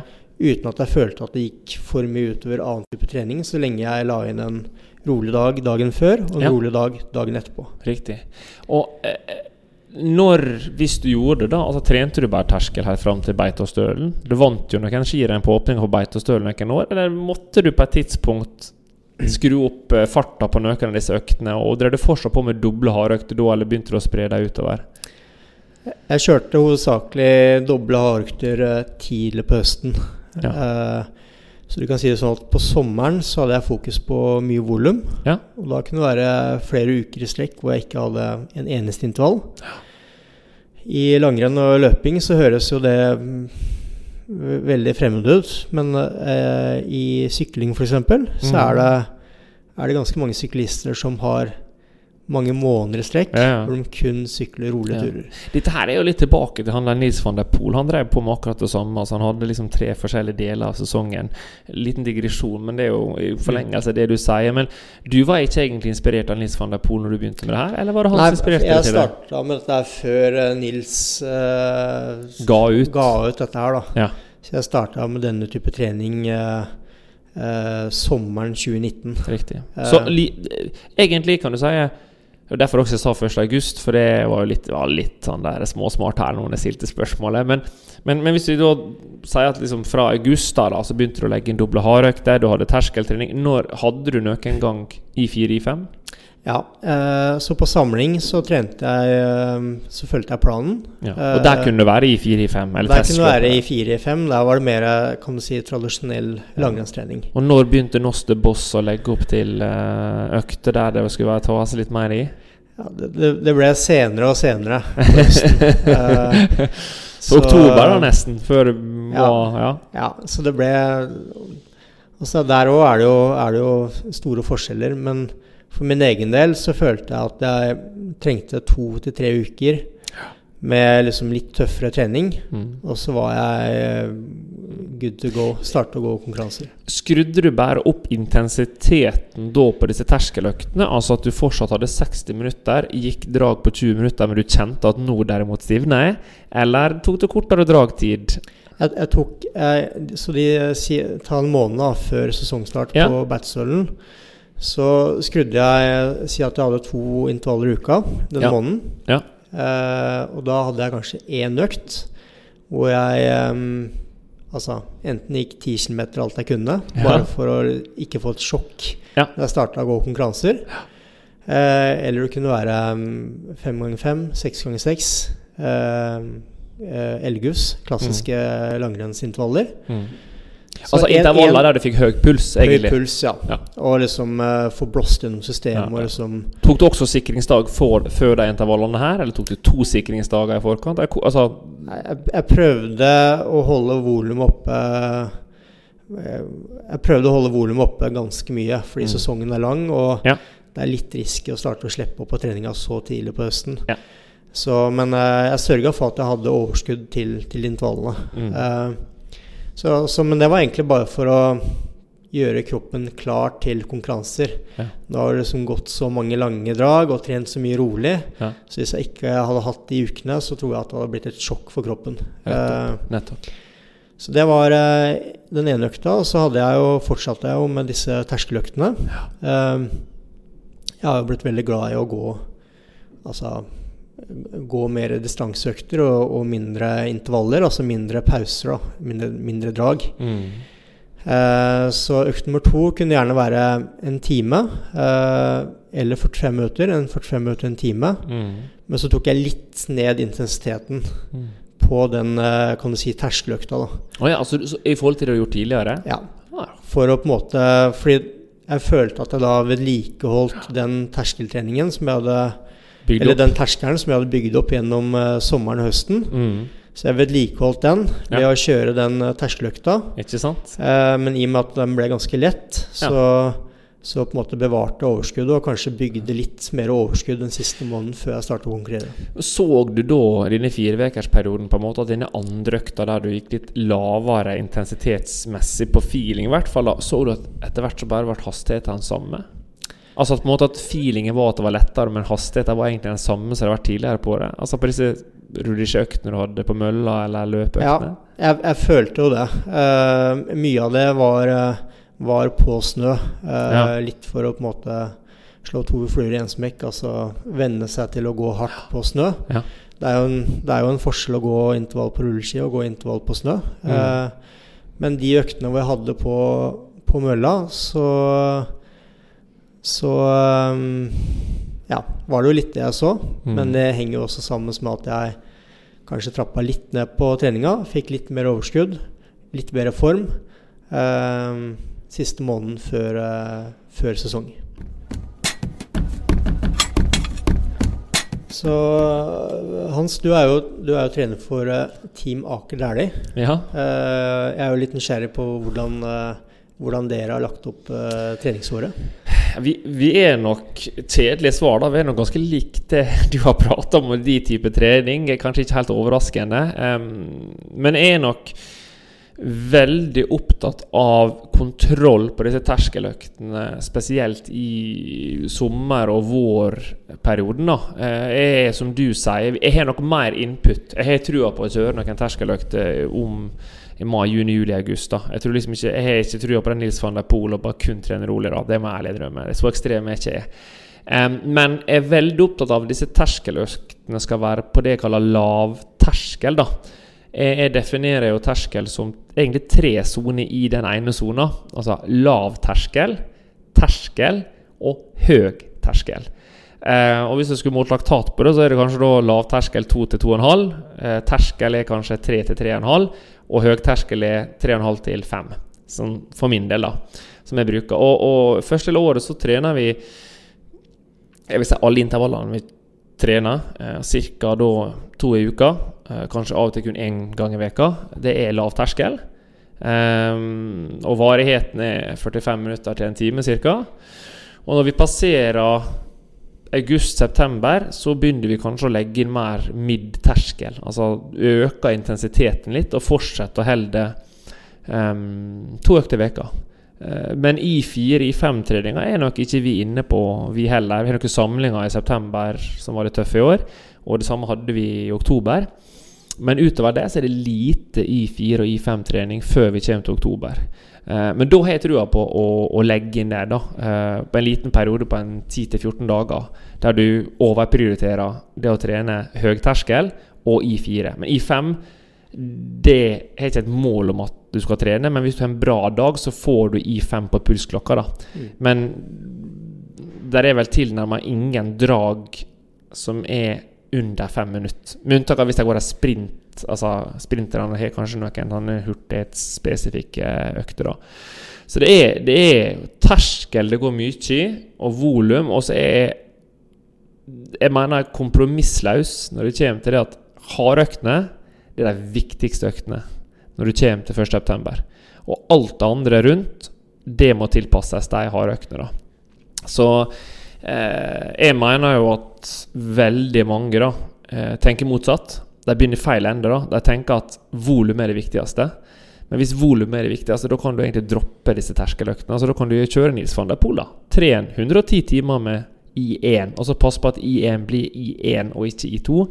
Eh, men jeg har trua på at du må også ha noen terskeløkter. Eh, og da, hvis du først skal prioritere å ha terskeløkter, så må du sørge for at det blir bra kvalitet, fordi det er et teknisk komponent også i det. da. Mm.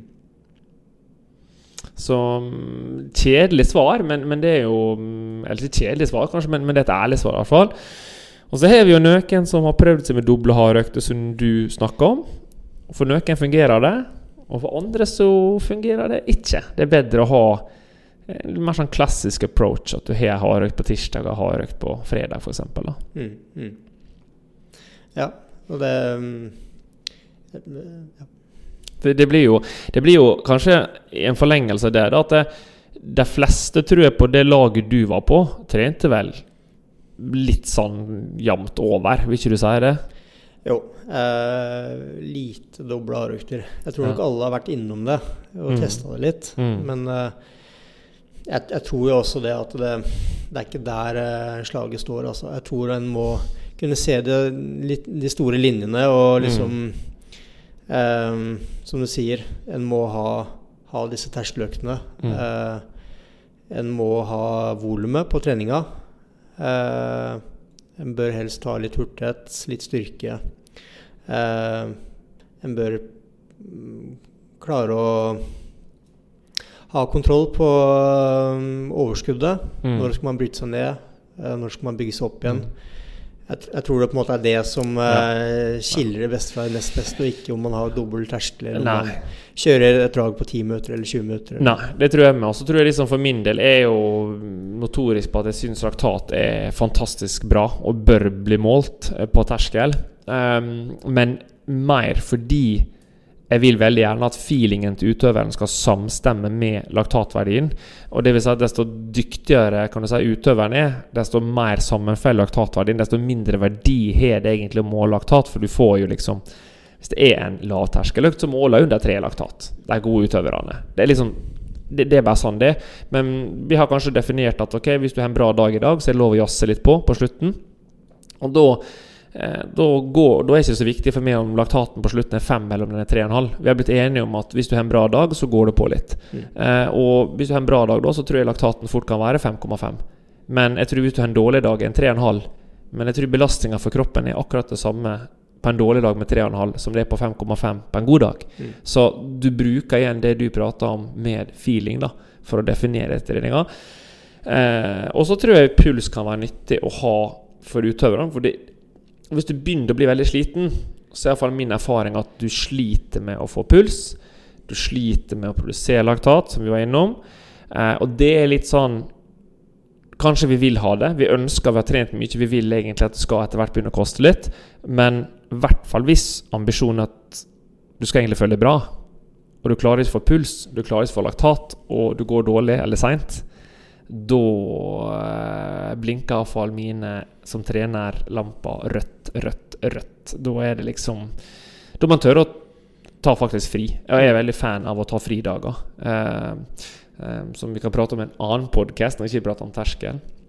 Men, men, nei, vi er veldig tradisjonelle der. Altså. Jeg tror det også er sammenfattende for de fleste som er på Team vi er veldig få som har trua på bolklegging av masse i fire-fem økter på rad og, og sånt. Det er jeg har nok blitt mer eh, konservativ jeg også med åra, rett og slett. Ja. Bolklegging var jo veldig inn for uh, Ja. 10-15 år siden. Det jo en, kan jo gi en enorm effekt på, på kort tid, men Mm. uh, en leker litt med ilden. Det er, eh, det er høy, høy risiko å Ja. trene på den måten. Og, og man mister også litt kontroll på, på form, og Mm. formen svinger veldig òg. sant? Eh, men et, et, et annet spørsmål. eh, tror du terskeltrening i langrenn er, blir like viktig framover nå når vi har eh, så fall på herresida går ned til eh, 10 og 20 km kontra 15 og, og 3 mil, som det vi har gått før? Jeg tror eh, en hadde større utbytte av å være veldig konservativ med terskeltreninga når det var 15 km som var hovedsakelig individuelløvelsen i et mesterskap. Eh, på en 10 km så må du nok eh, tåle å gå med litt høyere laktat hvis du hadde målt liksom, på målgang da, på alle løperne. Eh, men, men igjen, terskel er jo på en måte for meg det todelt. da. Det, det ene er jo at det er en effekt på det som går på utnyttelsesgrad, det vi prater om. altså Hvor mye av ditt maksimale oksygenopptak kan du klare å utnytte. Så det er en fysiologisk adaptasjon, og så er det en teknisk aspekt med dette her. Altså det å klare å gå teknisk bra på ski når du begynner å bli sliten. Og det er et nevrologisk adaptasjon. Så jeg tror er stor hensikt med å kjøre en time da, versus å kjøre bare 25 minutter hvis du kjører 5 ganger 5. Da får du bare 25 minutter med teknisk jobbing. Ja, den hastigheten er kanskje nærmere konkurransehastigheten din, så sånn sett er den kanskje litt bedre.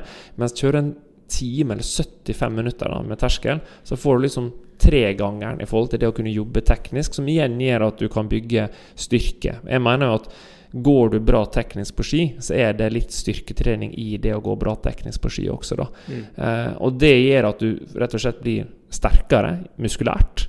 Eh, som gjør at du klarer å stå i disse posisjonene bedre også når du blir sliten og skal skru opp tem tempoet til en 10 km hastighet. Da.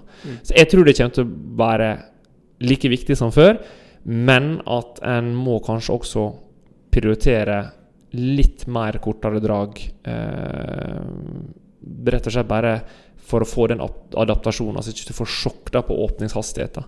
Mm. Jeg tror faktisk ikke runde to på en 10 km det går så mye fortere enn du gjorde på runde to på en 15 km, men jeg tipper at første runden kommer til å gå fortere. Ja.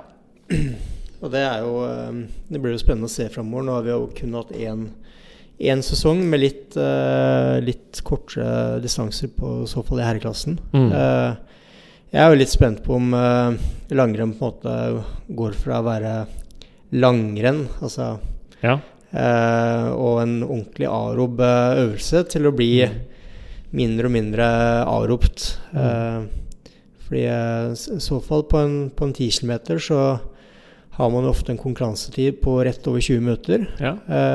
Og så er det sikkert tre-fire minutter av den, den tida som er eh, nedover Mm. i, i hockey. En, Mm. en får på en måte litt hvile ned der. Mm. Og så er de lengste bakkene på hvor lange? Altså ett Mm. minutt, halvannet minutt maks. Ja, hvis ikke du det det, litt, det er påfallende at ofte i mesterskap er de litt lengre da enn i World Cup. Ja, men nå blir det jo korte distanser i, eh, i mesterskap òg. Jo, uten tvil, men det, du går jo ofte på en måte ei blå løype eller rød løype som er fem kilometer. Og bare min erfaring er at det er som regel alltid én jævla lang bakke som er liksom sånn tre til fem minutter. da I siste fall siste året. Og jeg tror nå når vi skal til Trondheim, så får vi garantert det. Volle Fjemme får vi garantert det. Eh, Falun eh, i 2027 garantert det. Så jeg tror den egenskapen med å gå terskel kommer til å fortsatt være veldig viktig. Men det her er jo litt spennende å se på framover nå, fordi dere gjorde jo en del GPS-analyse og pacing-studier som viste at det lønte seg å gå tre jevne runder. Men der er litt indikasjoner som tyder på faktisk at hvis du er for mye bak på første runden, så vinner ikke du skirennet på en 10 km. Altså, du må være med fra første runde, og faktisk er det en ikke negativ splitt, men positiv splitt. Altså Som betyr at du går fortere på første runde enn på andre runden. Kan jo være med ski å gjøre, kan gjøre med pulver på ski å gjøre, men det kan også tyde på at kanskje må utøvere avvenne seg litt hva er riktig hastighet å åpne skirenn i. da. Mm. Fordi, som du sier, konkurransetida er 22 minutter. Og den faktisk reelle arbeidstida du hadde fysisk jobba, er kanskje 16-17 minutter. da. Og det Mm. blir plutselig andre krav i forhold til hvordan du skal disponere kreftene. da. Mm. Ja. Så, Nei, jeg, jeg føler nok at det er en eh, det er, en, det er en stor forskjell på å gå en 15 km kontra en, en 10 Mm. km. Mm. Og at eh, ja, 20 km fellesstart i en lett løype, det, er, eh, det blir ofte avgjort siste 500 meter. Så, så for yngre utøvere så er det jo mm, er det noe å ha i bakhodet at en, eh, en må eh, også prioritere kanskje mer, enda mer fart og, og styrketrening. Og, og ja, fordi langrenn eh, mm. på godt og vondt er i utvikling. Ja, uten tvil. Så, så det blir jo spennende å se om både jeg og du har nye tanker om terskel og terskeltrening, hvor viktig det er, og hva er terskeltrening. For det er jo bare et begrep som angir en slags arbeidsintensitet. Eh, Så det kan jo være den forståelsen av terskel også, som vi iallfall bruker som definisjon i den podkasten forandrer seg litt.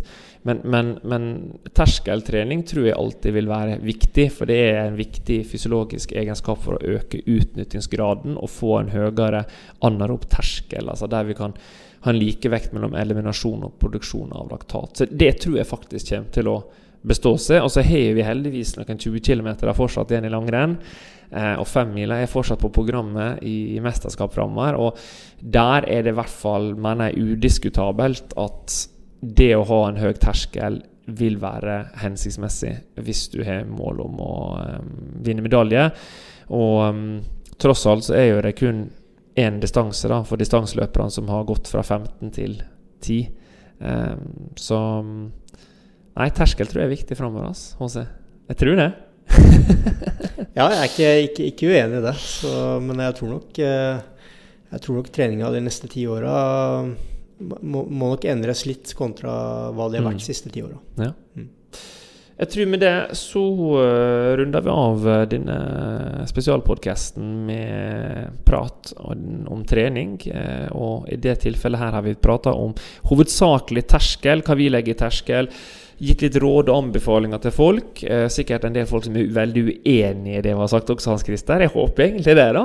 Ja, ja, ja. Og det er, eh, bare for å ha sagt det, det er eh, Vi sitter ikke med fasiten, og det er heller ingen fasit. Og det er Nei. veldig mange måter å trene på, og det er, det er ikke noe som er rett eller galt. Eh, vi snakker nå om vår erfaring. Mm. Eh, og så håper vi at eh, noen kanskje kan lære litt av det. Mm. Men eh, Og kanskje det kan bygge til diskusjon uh, i miljøet du er i, om det er et løpemiljø eller et romiljø eller svømmemiljø eller sykkelmiljø, som, altså i forhold til et holdenhetsmiljø du trener i.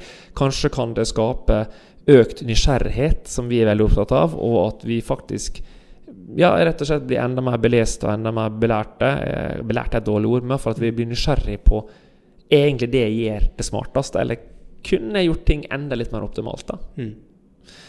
Så mm, det håper vi. Eh, minner bare igjen om eh, at hvis dere har spørsmål eller tematikker dere vil vi skal ta opp i denne podkasten her, så send gjerne en DM, direct message, til eh, Instagram-sida vår, Hans og Holund. Og med det så tror jeg vi ønsker bare lytterne våre en god dag videre.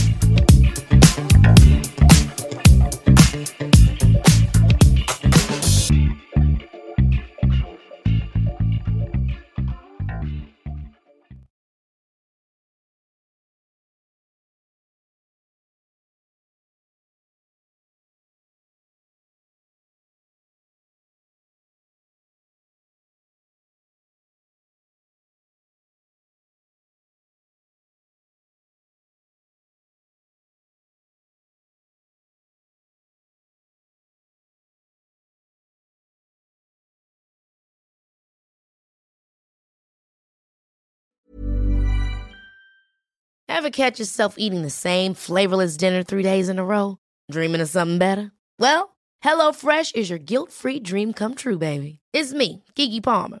Let's wake up those taste buds with hot, juicy pecan crusted chicken or garlic butter shrimp scampi. Mm. Hello Fresh. Stop dreaming of all the delicious possibilities and dig in at HelloFresh.com. Let's get this dinner party started. Hello, this is Danny Pellegrino, host of the Everything Iconic podcast, and I'm here to tell you all about Splash Refresher because hydration is mandatory, but boring is not. Now, I love my water, but if I don't spice it up, I'm not going to finish what I took out of the fridge. That's why I love my Splash Refresher, which is flavorful, delicious, bright, hydrating, and zero calories. The wild berry flavor is my fave. No, wait, is the pineapple mango flavor my fave? You know what? All five craveable Splash Refresher flavors are my fave because they're so delicious. So get hydrated and enjoy it with Splash Refresher. Imagine the softest sheets you've ever felt. Now imagine them getting even softer over time. That's what you'll feel with Bowl and Branch's organic cotton sheets. In a recent customer survey, 96% replied that Bowl and Branch sheets get softer with every wash. Start getting your best night's sleep in these sheets that get softer and softer for years to come. Try their sheets with a 30-night guarantee. Plus, get 15% off your first order at bowlandbranch.com. Code BUTTERY. Exclusions apply. See site for details.